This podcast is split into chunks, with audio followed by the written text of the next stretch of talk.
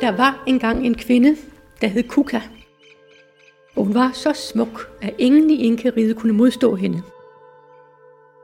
Bevidst om sin magt, brugte Kuka sin charme på at drage fordel af mænd, indtil ord om hendes gerninger nåede Inkaens ører.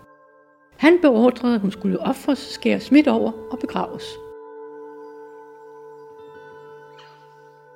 Op af jorden af hendes grav kom der en mirakuløs spire og plante.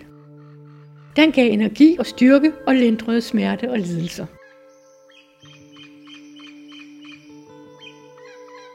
Man kaldte den kruka til ære for den smukke og uimodståelige kvinde.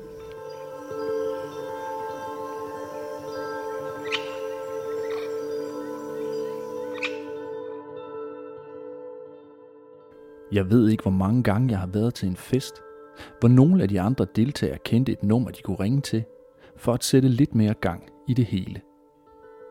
Lidt senere afleverede et bud, en lille pose fra et åbent bilvindue, og køberne forsvandt ud på toilettet. Et par minutter senere vendte de tilbage med snøftende næser og en attitude, der godt kunne være lidt anstrengende for os andre. Som du kunne høre arkeolog og antropolog Inge Sjællerup fortælle, så mente indkærende, at kokain kom som en gave direkte fra guderne. For det er slet ikke nyt, at forskellige rusmidler er blevet brugt for at kunne yde lidt mere, være lidt friskere og til at være op og køre hele natten. Dem jeg var til fest med, vil måske endda sige, at de blev til den bedste version af sig selv. Mit navn er Lasse Telling, og i fem udsendelser dykker jeg ned i rusens historie. På dagens tur skal det handle om den rus, der får en til at føle, at man kan præstere lidt mere. Det skal handle om kokain, som inkærerne brugte, og som senere blev til den berygtede kokain. Om amfetaminen, der holdt soldaterne vågne. Om katten og betelnøden. Og om ritalinen, der har været med til mange lange eksamensforberedelser.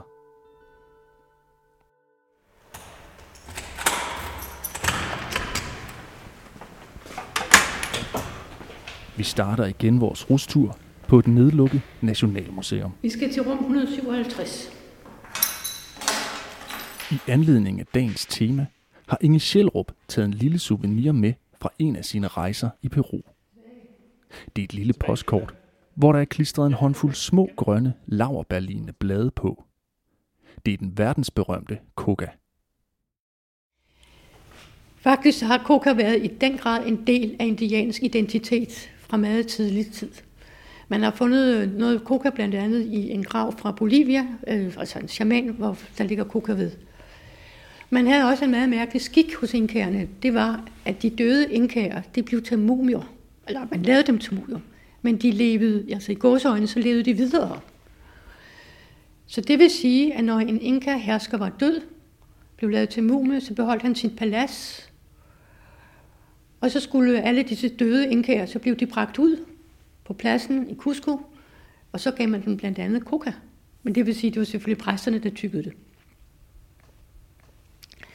Coca, det blev opfordret, man brændte det, man altså brugte det stort set til alle ceremonier. Man har fundet noget coca blandt andet i en grav fra Bolivia, øh, altså en shaman, hvor der ligger coca ved. I enketiden for eksempel, der brugte man til at spå. Så det vil sige, du kunne kaste sådan nogle øh, blade ud, og så alt efter det mønster, det dannede, så ville man kunne spå noget om fremtiden, eller om krigen gik godt, eller hvad det kunne være. Og for eksempel var der en af de der inkadronninger, der sagde, altså hun sagde at være blevet meget afhængig af coca. At hun sov med det, om, hun sov med det i munden.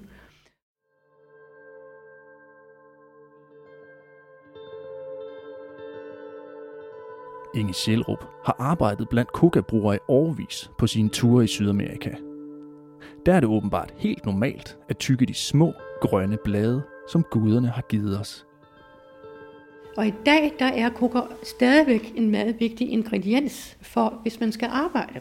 Fordi det simpelthen tager sult og, og, og træthedsfornemmelse. Jeg har jo gravet en hel del i Peru, og mine arbejdsmænd Mine arbejdsmænd, de, de skulle have koka, ganske enkelt. Så når vi havde en pause der midt på formiddagen, så var det frem med tasken, som de altid også faktisk havde dengang. En lille taske, man har over skulderen. Det finder man også i gravene. Og der er kokain. Men i forbindelse med kokain, så har man sådan en lille bitte kalabas, der er sådan lidt smalt for oven og lidt bredere for neden. Og i den der er der så en pind. Og nede i denne kalabas, der er der så øh, kalk. Og det kalk, når man tykker det sammen med kokabladene, det giver netop den der trætheds- og sultfornemmelsen. Og på en af de der ture, vi var i, i Peru op i bjergene, der kom vi til et sted way, way, langt, langt væk op i bjergene. Og der var der så en kvinde, der trillede ud af en hytte, der bare slog helt ensom. Og der tænkte jeg netop på den her inkerdronning, for hele hendes mund, det var fuldstændig savlende grund af det der kokaer. Egentlig virkede det så lidt uhyggeligt. Det er ikke fordi, man bliver helt bedøvet af kokabladene. De giver bare en lille bedøvende summen, der hjælper på energien og samtidig er god mod højdesyn i Andesbjergene, siger dem, der bruger det. Det er også derfor, at man kan købe kokabolcher, kokate eller kokapostkort over det hele. I dag der kan man jo ikke gå ind på et hotel i Cusco, uden at der står varm kokate til en. Især hvis man kommer flyvende fra Libe i, om jeg så må sige, øh, havets overflade, du er oppe i 3.600 meter, så kan man med tit godt mærke den der højdesyge. Og det vil sige, så er en, sådan noget kokate, det, det, det, er altså ikke sådan en stor smag, det er sådan lidt, sådan lidt, lidt, lidt grønlig smag. Men jeg har altså også prøvet at tykke kokablader selvfølgelig, øh, og så tager man, nu har jeg kunne se her, der har der sådan nogle bladene liggende, de kan minde lidt om øh, laverbærbladet. Men der findes også lidt forskellige typer, især to forskellige slags typer. Der er nogen, der har store blade, og nogen, der har mindre blade. På en af vores ture, der kom vi til et sted, hvor der var en kæmpe kokamark, der var høstet. Så kokaen lå simpelthen til tørre. Og så prøvede vi det, og jeg tog også de der blade i munden, men altså jeg vil sige, når min tunge sådan begyndte at blive lam i siden, så synes jeg ikke, det var særlig rart. Så det er blevet brugt til meget, men altså især er det jo selvfølgelig, det er en hverdagsting i, i gåsøjne. Det har været brugt i årtusinder, men til at tykke, ikke til at fremstille kokain.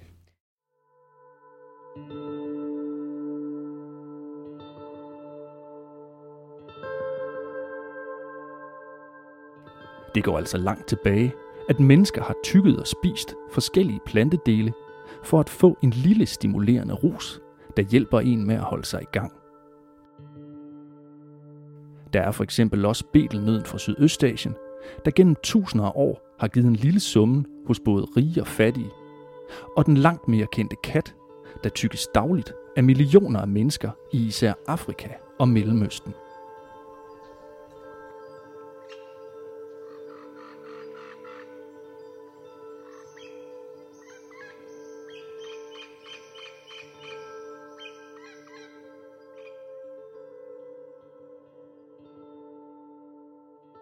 Mine venner, der kom snøftende ud fra toilettet, fulgte altså en lang tradition med at bruge rusmidler for at holde sig i gang. Men hvad er det ved de stimulerende rus, der gør, at de selv synes, at de kunne klare det hele, mens vi andre hurtigt kunne få lidt for meget af deres anstrengende energi? De to stoffer, som vi har bedst styr på, øh, det er kokain og amfetamin. Det er vores anden serieekspert, rusmiddelforsker Morten Hesse, der taler her. Øh, og de har, noget, de har noget til fælles, som gør, at vi faktisk kan sige lidt om, hvad de gør i hjernen. Som den forsker Morten Hesse er, tager han sine forbehold for generaliseringer, når jeg spørger ind til, hvordan de stimulerende rusmidler virker. Men noget kan han alligevel sige om, hvorfor de stimulerende stoffer er så attraktive, at de er blevet brugt gennem tusinder af år over hele verden. Øh, de øger nemlig tilgængeligheden af et bestemt øh, stof, et, en neurotransmitter, som hedder dopamin. Øh, og dopamin er et stof, som hjernen bruger til at aktivere sig selv, øh, til at være målrettet, øh, til at mobilisere sådan fysisk aktivitet. Nu skal vi i gang, nu skal der ske noget. Når dopaminet bliver udløst mellem to, øh, to nerveceller. Så normalt så vil den enten blive, så vil den blive suget op igen i nervetråden hurtigt. Men så gør begge de her to stoffer altså, at, at den bliver ved med at, dopaminen bliver ved med at være tilgængelig lang tid. Og det har den samme effekt, som om der kom mere dopamin i hjernen. Og det vil sige, at de gør, at man bliver mere målrettet og aktiv og fokuseret øh, og fysisk ligesom, mobiliseret. Øh, og så kan man øh, være aktiv og holde sig vågen længere tid.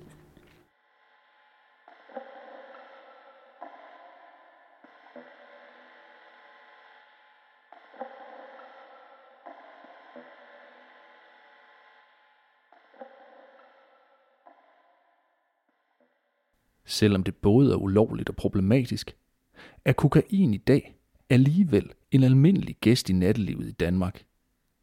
Ligesom mine venner tager mange det, når de føler, at de skal holde festen i gang, siger Morten Hesse. Men da europæerne første gang oplevede, hvordan indianerne brugte kokain, var det ikke ligefrem populært. Hør bare, hvad Inge Schjellup kan fortælle om spaniernes første møder med de nu så velkendte kokablade. For eksempel så var jo spanierne, de mente jo også, at det var noget mere djævelskab. Der er så alligevel en, der skriver, at der var en, øh, en spansk soldat, han gik mellem Cusco og et andet sted, og så siger han, øhm, hvorfor, hvorfor tykker du coca, som indianerne gør, en så modbydelig og havde ting for spanierne? Og så svarer soldaten, i sandhed, herre, det afskrækker mig ikke mindre end alle andre. Men nødvendigheden tvang mig til at efterligne indianerne og have bladene i munden, fordi, som jeg fortæller dem, at hvis jeg ikke tog dem, kunne jeg ikke bære byrder. Ved hjælp af dem føler jeg mig så meget styrke og kraft, at jeg kan overvinde arbejdet.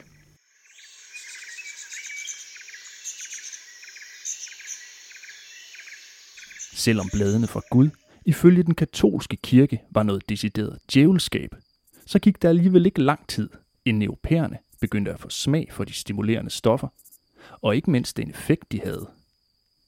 Spørgsmålet var bare, om de kunne gøres stærkere. Det kunne det, for i 1860 lykkedes det en tysk kemiker at reducere kokabladene til et meget stærkere stof, som vi i dag kender som kokain. Og kemikerne var åbenbart meget interesserede i nye stimulerende stoffer, som andre kulturer ellers havde kendt til i århundreder. Der begyndte jo øh, der, altså en medicinsk forskning af, hvad der var af ingredienser. Og der begyndte man netop at finde ud af, at kokain kunne bruge medicinsk. Men det er også sjovt at tænke sig på, at øh, i begyndelsen af 1900-tallet, der var Java, altså den hollandske koloni, de var den største øh, eksportør af, af kokablade. Omkring 1900-tallet dukkede amfetaminen op, og selvom det lyder lidt vildt i dag, så anbefalede man, at det kunne bruges mod astma, og man sagde, at den gav en energi, ligesom den kunne holde en vågen hele natten. Og som om det ikke var rigeligt, så kom også MDMA'en på banen. Det kan være, at du kender den fra dem, du ser danset lidt for svidende og glade rundt, og som måske har lidt for meget på deres kærlige hjerte, de gerne vil fortælle dig. I hvert fald markedsførte apotekerne stofferne i stor stil, og blandt andet fik den kendte psykiater Sigmund Freud smag for rosen. Han kaldte ligefrem kokainen for magisk.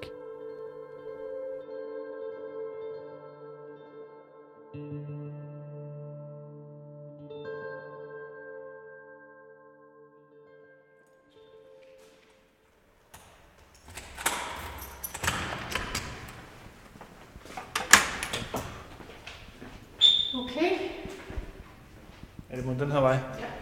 så skal vi lige finde den der. Se her.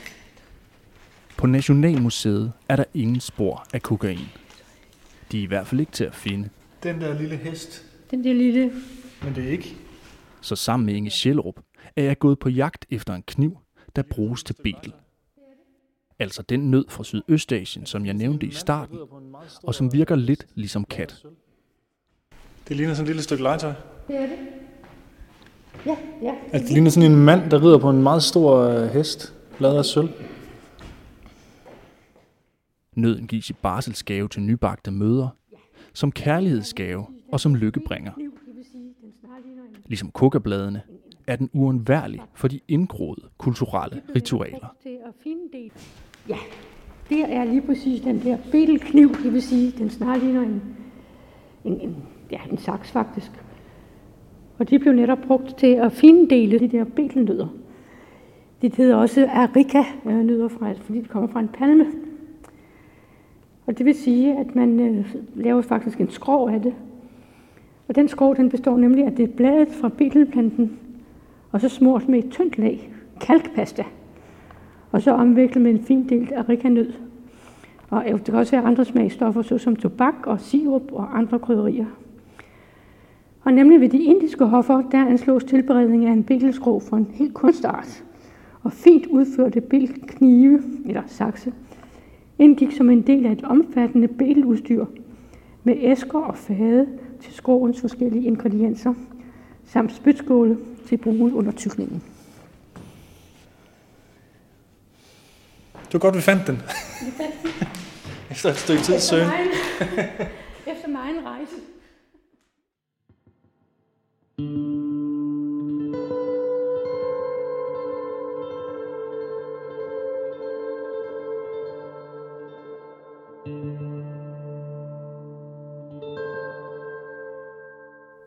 historien er de stimulerende stoffer altså altid blevet brugt for at kunne yde noget mere. Det har ikke ændret sig meget i de tusinder af år, mennesker har kendt til rusmidlerne, og det er fortsat op i vores tid.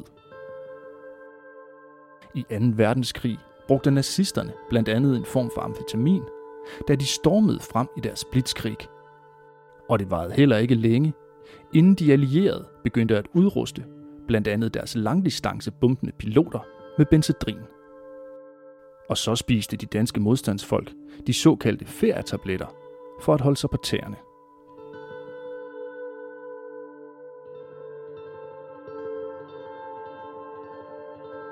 Men inden det kom dertil, var en del af stofferne allerede blevet ulovlige.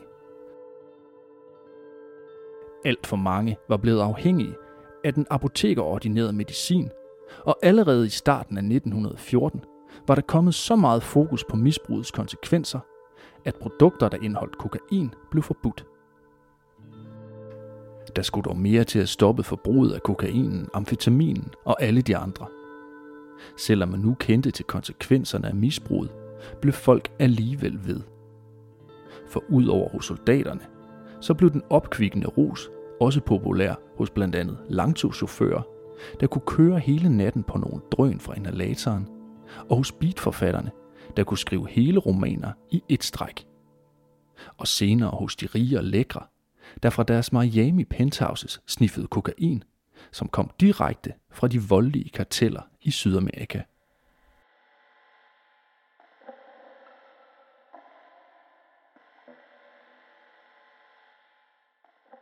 Jeg er i mit arbejde en gang imellem stødt på nogen, som har brugt amfetamin til at kunne, nu skulle de virkelig arbejde igennem. Øhm, og det er blevet et problem for nogen på nogle måder, for andre på andre måder. Øh. Vi er ved at være tilbage i nutiden. Selvom vi i dag ved en masse om, hvilke konsekvenser kokainen kan have, er der alligevel hele 3% af alle yngre danskere, der tager kokain. Og det er en stor stigning i forhold til for bare nogle år siden. Det er blandt andet dem på toilettet, der selv synes, at de holder festen i gang, og dem, som Morten Hesse har mødt, der gerne vil kunne holde en seriøs timeløn. For eksempel har jeg mødt nogle øh, slagter og slagt, eller slagteriarbejdere og folk, som har arbejdet med andet tungt arbejde. Øh, og sådan, øh, jeg synes, et meget godt billede for mig, det var en slagteriarbejder, som fortalte, hvordan han var, han var i forvejen en stor, stærk fyr. Øh, og, men når han tog amfetamin, så kunne han bare smide de der skinker op på krone i et, et tempo, som de andre overhovedet ikke kunne følge med til. Øh, og det kunne han så gøre, indtil hans skuldre ikke kunne mere. Men så skulle han jo stadigvæk bruge amfetaminen, fordi han, han følte sig jo tosset ud af den amfetamin. Øh, og det, som han så også fortalte, det var så, at han havde jo brug for penge til at købe den amfetamin, og den, den fik han jo ved, at han kunne klare en sindssyg akkord på det der slagteri. Så systemet har det med at bryde sammen, når man bruger de der stimulerende stoffer til at, til at få sig selv op i gear. Øhm, det betyder, jeg betyder ikke, at det altid gør det, men, men det er tit det, man, det, jeg synes, det er tit det, man hører. Det er tit det, jeg støder på. Når, man normalt, når hjernen fungerer normalt, øh, så sker der så sker der jo så mange forskellige ting på en gang. Men først og fremmest, så er vi et meget socialt væsen. Øh, og vant til at orientere os i forhold til andre levende væsener, og især vores medmennesker. Øh, og det er en af de ting, som af en eller anden grund faktisk bliver suspenderet ret meget af, på tværs af forskellige stoffer. Øh, at vores hensyntagen til andre mennesker, og vores omsorg for andre mennesker, ikke ved en automatik, men, men sådan i gennemsnit og gennemgående, øh, så bliver den nedsat. Og derfor så ser man også, at en del voldelig kriminalitet kan forbindes med, øh, med amfetamin og kokain, i forhold til, hvor relativt lidt der bliver indtaget af det. Øh, men vi det meste voldelige kriminalitet bliver, er forbundet med alkohol. Nu lyder det måske som om, at det hele er noget værre noget, når den vestlige videnskab ser på den stimulerende rus. Sådan er det dog ikke helt. For rusen har også sine medicinske værdier, og så længe der er styr på doseringerne, kan lægerne bruge det i deres behandlinger. Selvom det lyder en smule bagvendt, så bruges blandt andet det berygtede methamfetamin til at gøre børn mere rolige. Vi har også den behandling øh, for øh, børn og unge med ADHD, altså det her opmærksomhedsforstyrrelse og hyperaktivitet, hvor vi giver dem et amfetaminstof øh, eller et lignende stof. Øh, og der, der bruger vi også det, der hedder methamfetamin, som jo ellers er et, et stof, som vi tænker, hold da op, det er, at det, det må være noget af det, noget af det værste. Øh, men, men methamfetamin kan, kan ryges, og så er det voldsomt, øh, voldsomt for kroppen, men det kan også tages som tablet. Og der kan det faktisk være et, et udmærket stof at behandle ADHD med. Jeg ved ikke, om det bruges herhjemme, men det bruges i USA. Det, det er ikke en enkel og en enkel behandling, som man bare kan køre og sige, så, så går alt godt. Men vi kan bruge det i nogle situationer til at behandle nogle ting, ligesom vi kan bruge morfinen til at behandle folk, der har ekstreme smerter. Øh, så, så det er ikke sådan, at det er helt unyttige stoffer, som vi bare skulle givet, de ikke eksisterede på i vores verden. Og så er der også noget med, at studerende bruger den amfetaminlignende ADHD-medicin Ritalin, når de læser op til eksamen. Øh, og der er nogen, som, som tænker, at de kan øh, bruge Ritalin, fordi så kan de øh, læse utrolig mange timer, og så føler de sig utrolig friske. Jeg ved ikke, hvor stort omfanget i virkeligheden er. Øhm, jeg synes nogle gange har jeg fornemmelsen af, at det bliver lidt blæst op til noget, der er større end det er. Jeg ved, at det er mindre effektivt, end folk selv tror. Øhm, folk tror, at de, hvis de bare kan sidde op og læse øh, til klokken 4 om morgenen, øh, og så stå op igen klokken, klokken 7, og, øh, så kan de læse øh, tre måneders læsning op på 14 dage.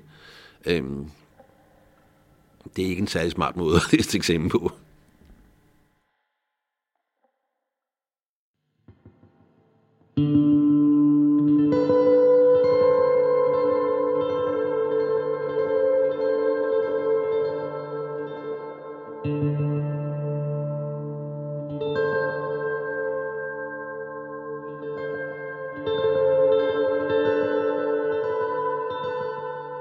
Lad os vende tilbage til, hvor vi startede. Med bladene, der blev givet til indkærerne fra guderne, og den kokain, de i dag bliver brugt til at fremstille. For eksempel så var der jo Hugo Chavez, der var jo præsident i øh, Venezuela, og han sagde netop i en af sine taler, at han tykkede coca hver evig eneste dag. Og det gjorde selvfølgelig Evo Morales op, også det jo var den første indianske præsident i Bolivia. Og han sagde, Chavez, jeg tykker coca hver dag om morgenen, og se, hvordan jeg er. Jeg sagde dog ikke, at se, hvordan jeg ser ud. For i modsætning til andre af de stimulerende rusmidler, så kan kokain ikke produceres kunstigt, for man skal bruge bladene. Og det har Inge Sjællerup mere end én gang oplevet konsekvenserne af.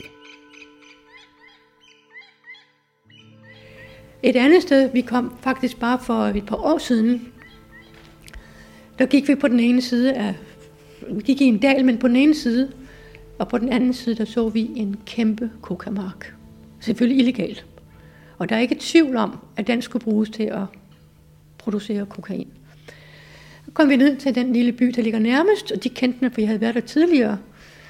Og vi skulle ikke nævne noget som helst, nogen, nogen ting. Men så siger de af sig selv, jamen nu har vi sandelig øh, udryddet koka, vi har ikke nogen kokamarker mere. Så tænker jeg, mm, mm, mm, mm. Sydlandet var det et af de steder, som de laver det. Og da vi kom forbi, eller gik, man går jo med de der bjerge, så kom vi op til et, øh, en by, hvor de så så mistænkeligt på os. Og jeg var sammen med min gode ven Romulo. Og vi havde slet ikke tænkt, at vi skulle den vej, men af en eller anden grund, så kom vi til at gå en forkert vej. Og vi kom op, og folk de stod, det var virkelig som om, var vi spioner? At det var, det var en meget, meget ubehagelig fornemmelse. Men så så vi, at de havde en satellittelefon, så vi styrtede ind og ringede hjem, og det var jo fantastisk. Så, det, så vi var ligesom rigtige mennesker, og vi skulle bare ringe. Og så, så sagde vi tak, for, og så gik vi, og vi skyndte os afsted. Det var en meget, meget ubehagelig oplevelse. Der findes stadigvæk selvfølgelig illegal kokamarker på de og Andesbjergene. Og de vokser der i de der 2.500 meters højde. Og hvis vi på nogen måde havde blandet os, og det samme galt faktisk med den bjergside, vi så på den anden side, hvis vi var gået ned for dem, så sagde Romeo, så kunne det godt være, at vi var blevet slået ihjel. Ganske enkelt. Vi vidste noget, og det skulle vi ikke vide.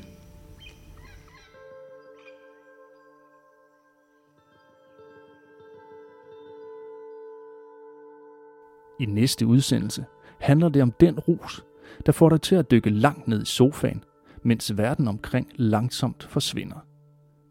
Det handler om Odysseens opiumsbrugere, om cannabisens lyksaligheder, og om dengang, der var gemt øl bag bøgerne på Nationalmuseet.